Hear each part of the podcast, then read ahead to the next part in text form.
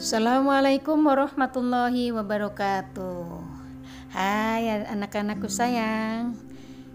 Bunda datang lagi dan akan menceritakan bagian kedua dari Suara Merdu Fatimah. Bagian pertama sudah didengarkan bukan? Bagus. Sekarang mari masuk pada bagian kedua. Simak baik-baik ya.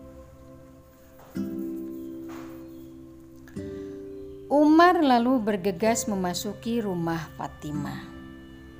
Di dalam rumah itu ada Khobbab bin Al-Ad, seorang sahabat Rasulullah. Khobbab sedang membacakan ayat-ayat suci Al-Quran kepada Fatimah dan suaminya Said bin Zaid. Menyadari kedatangan Umar, Khobbab buru-buru bersembunyi. Fatimah juga segera menyembunyikan lembaran-lembaran Al-Quran yang dibacanya di bawah pahanya. Ia duduk untuk menyembunyikan lembaran-lembaran itu. Apa yang ku dengar tadi? Tanya Umar. Tidak, tidak, tidak apa-apa. Tidak ada apa-apa, sahut Fatimah ia tetap duduk. Jangan berbohong. Aku sudah tahu kalian menganut agama Muhammad. Sambil berkata begitu, Umar memukul Said. Fatimah berdiri untuk mencegah. Umar menampar wajah Fatimah hingga berdarah. Melihat wajah adik perempuannya berdarah, Umar menyesal juga. Lembaran-lembaran Al-Quran tampak oleh Umar karena Fatimah berdiri. Coba kulihat, seru Umar. Fatimah menyambar lembaran-lembaran itu. Berikan padaku, seru Umar lagi. Tidak, kau akan merobek-robeknya. Demi Allah, aku akan membacanya. Fatimah sangat heran mendengarnya. Umar akan membaca Al-Quran? Fatimah tidak tahu bahwa tadi Umar sudah mendengarkan sebagian ayat suci yang dibacanya dengan suara merdu.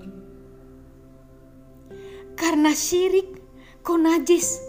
Al-Quran tidak boleh disentuh oleh orang-orang yang tidak bersuci, kata Fatimah. Baik, aku akan mandi dulu. Insya Allah, benar-benar ajaib. Tiba-tiba Umar berubah seperti itu. Ia mandi, lalu meminta lembaran-lembaran itu. Umar sangat cerdas. Ia membaca ayat-ayat suci itu dan bisa memahami maknanya dengan mudah. Alangkah indah dan mulianya kalimat-kalimat ini, katanya setelah membaca ayat-ayat suci. Khobab yang tadi bersembunyi segera keluar dari persembunyiannya. Hai Umar, demi Allah aku berharap semoga Allah Subhanahu wa taala menjadikan Anda sebagai orang yang menerima seruan Nabi dan Rasulnya. Kata Khobab. Rasulullah juga selalu berdoa begitu. Aku mendengar sendiri doa beliau. Umar lalu minta ditunjukkan di mana Rasulullah pada saat itu. Untuk apa kau mencari Rasulullah? Tanya Khobab. Aku akan beriman kepadanya. Umar tampak bersungguh-sungguh. Khobab menunjukkannya tempat Rasulullah berada. Umar pun menyambar pedangnya dan bergegas keluar. Semoga ia benar-benar akan beriman kepada Allah dan Rasulnya. Doa Fatimah. Semoga begitu. Bila tidak, berarti Umar akan membunuh Rasulullah. Bagaimana kisah selanjutnya? Ikuti terus Bunda berkisah. Assalamualaikum warahmatullahi wabarakatuh.